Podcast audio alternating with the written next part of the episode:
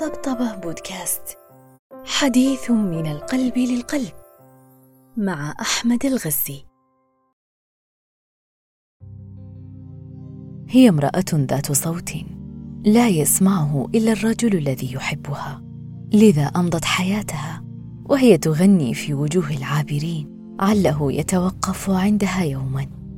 كانت تقف كل يوم على ذلك الجسر المؤدي للمدينة تتفحص العابرين وتتجاوز البائعين.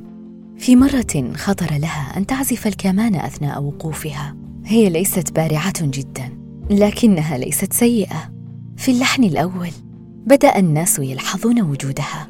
بعده بقليل وقف شخص ثم آخر. زاد الجمع وصارت الحلقة تتسع رويدا. نغماتها كانت تنساب إلى القلوب سريعا. كانت تعزف وتغني تسمع صوتها عاليا. فتخفض منه قليلا. تحاذر أن تخرج عن اللحن أو أن تتعثر في السلم الموسيقي وتحرص على الطبقة المناسبة من طبقات صوتها. هذا الذي كان يشغلها. أما المستمعون فكانوا منقسمين بين إعجاب بعزفها وشفقة على الفتاة التي تفتح فمها وكأنها تغني لكن بلا غناء لم يكن أحد يسمع صوتها فقط هو ذلك الفم المفتوح. الذي لا يخرج إلا الهواء عرفت السبب لاحقا. عندما امتلأت القبعة بالنقود الناس كريمون حين يكونون سعداء. هذا ما عرفته ذلك اليوم. استمرت بالعزف ولفتها أن فتى المثلجات عاد لبضاعته وكأن الأمر لا يعنيه. وضع القبعة ورجع سريعا. ولم يتوقف لسماعها لحظة. انفض الناس بعدما توقفت. وعادت إلى بيتها حزينة. لم تجده اليوم أيضا. لكن المال الذي لفته بالمنديل كان لها عزاء من نوع آخر. على الأقل لم ترجع خاوية اليدين ككل مرة.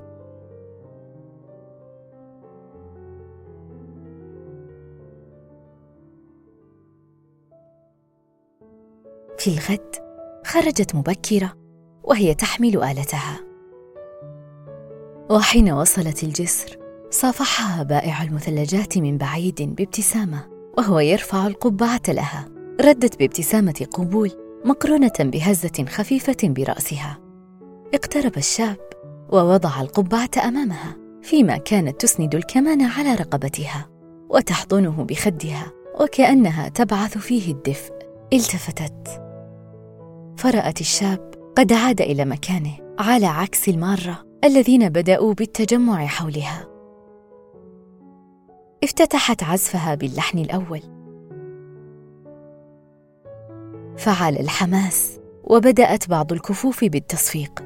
شرعت بالغناء باندماج. لكن ذلك لم يحدث فرقا.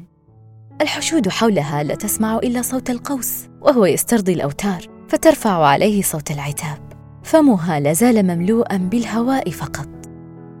بمرور الأيام بات العزف مصدر رزق لها بعدما كان هامشا في حياتها. قبلا لم تكن تعزف إلا حين تكون لوحدها. تتذكر جيدا أول مرة عزفت فيها. كيف فاجأها كم النقود الذي تهاطل بداخل القبعة؟ القبعة.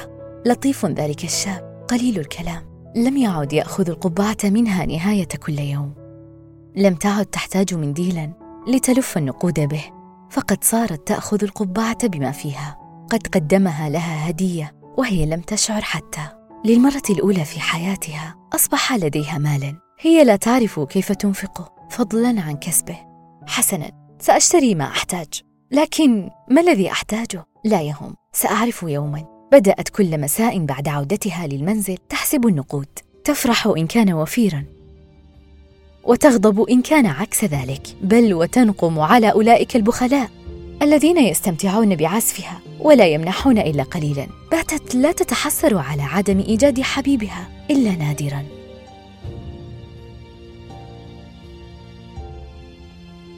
كادت تنسى لولا بقايا حنين تتحرك في مهجتها قبل شروعها في النوم. في ذلك اليوم حضرت متأخرة. فور أن وضعت قدمها على أول الجسر. فوجئت ببائع المثلجات يركض باتجاهها. ما إن توقف أمامها حتى أمسك بيديها وهو ينظر إليها نظرة استعطاف. فهمت من ابتسامته المنكسرة ودفء يديه أنه قلق عليها. أشارت له بأنها كانت تعبة في الأيام السابقة لذا لم تأتي. صوتها كان محبوسا فلا يصلح للغناء. قالت هذا وهي تضحك في داخلها وكأن أحدا يسمعه أصلا. رجع الشاب لمكانه مطمئنا واتخذت في مكانها المعتاد وهي تحدث نفسها. عجيب أمره. لم ينبس بكلمة.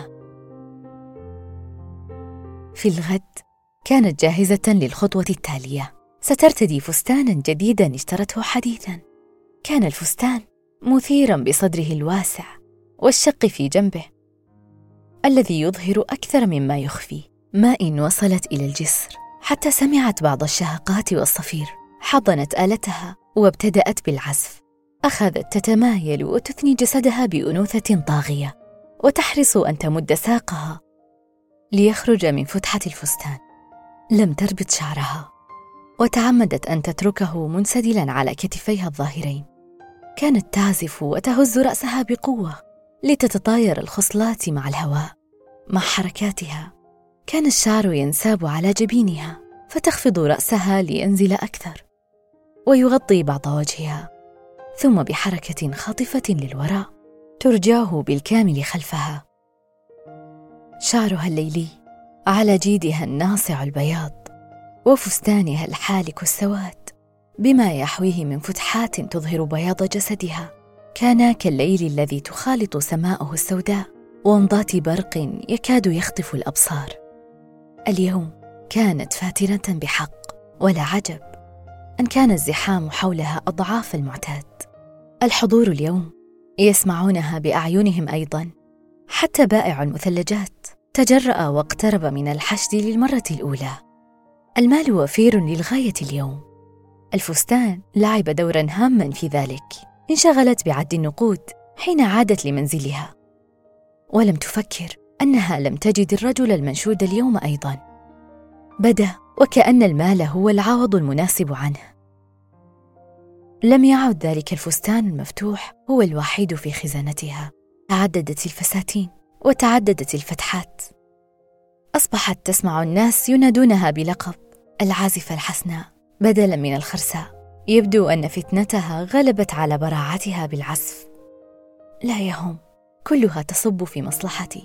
قالت ذلك وهي تبتسم بخبث. ذاع صيت الفتاة في المدينة. وفي أحد الأيام تقدم إليها رجل ذو هندام مرتب وعرض عليها أن تعزف في الحانة الخاصة به. سيكون عقدا طويلا.